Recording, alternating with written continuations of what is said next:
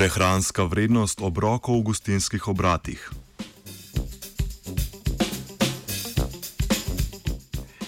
Dobro jutro. Če še ne veste, slaba dieta oziroma prehranske navade vodijo v debelost. Eden izmed dejavnikov, ki vplivajo na to, je prehranjevanje v gostinskih obratih oziroma zunaj doma, kjer so porcije velike in imajo višjo energijsko gostoto oziroma vrednost. Nekateri gostinski obrati prostovoljno ponujajo dostop do informacij o hranilni in energijski vrednosti ponujenih obrokov na jedilniku, a kako to pomaga gostu oziroma gostji?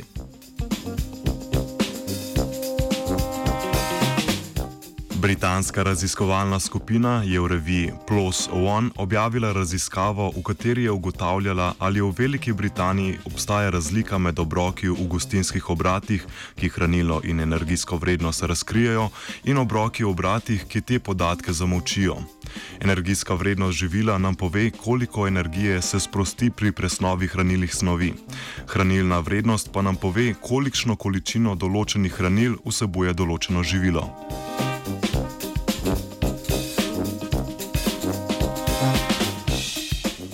Popisali so 100 najpopularnejših gostinskih verik na otoku in pregledali njihove spletne strani, na katerih so našli ustrezne podatke o sestavi obrokov in pijač. Celotno energijsko in hranilno vrednost vseh analiziranih obrokov so na koncu pri vsakem gostinskem obratu sešteli. Za statistično obdelavo podatkov so uporabili linearno regresijo, torej krivuljo, ki se najbolj prilega danim podatkom. Poštevali so informacije o vsebnosti hranil, izbrali so maščobe, nasičene maščobe, ugljikove hidrate, sladkorje, prehranske vlaknine, beljakovine in sol.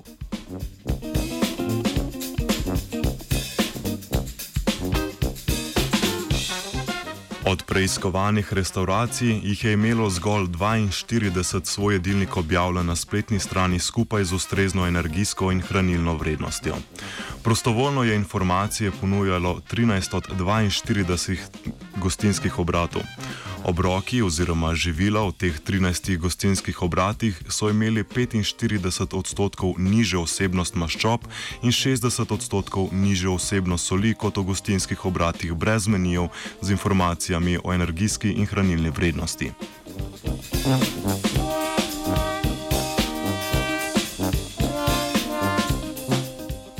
Veliko podanih podatkov o energijski ali hranilni vrednosti obrokov v gostinskih obratih se na prvi pogled ni ujemalo z referenčnimi vrednostmi za dano živilo oziroma obrok, zato bi bilo smiselno navedene vrednosti preveriti tudi laboratorijsko.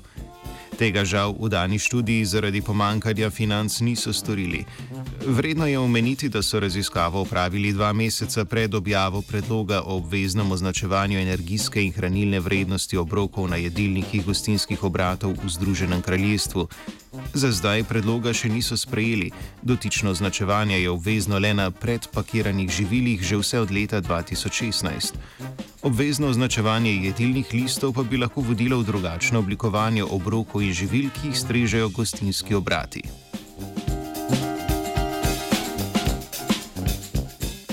Javnemu zdravju stremi Jana.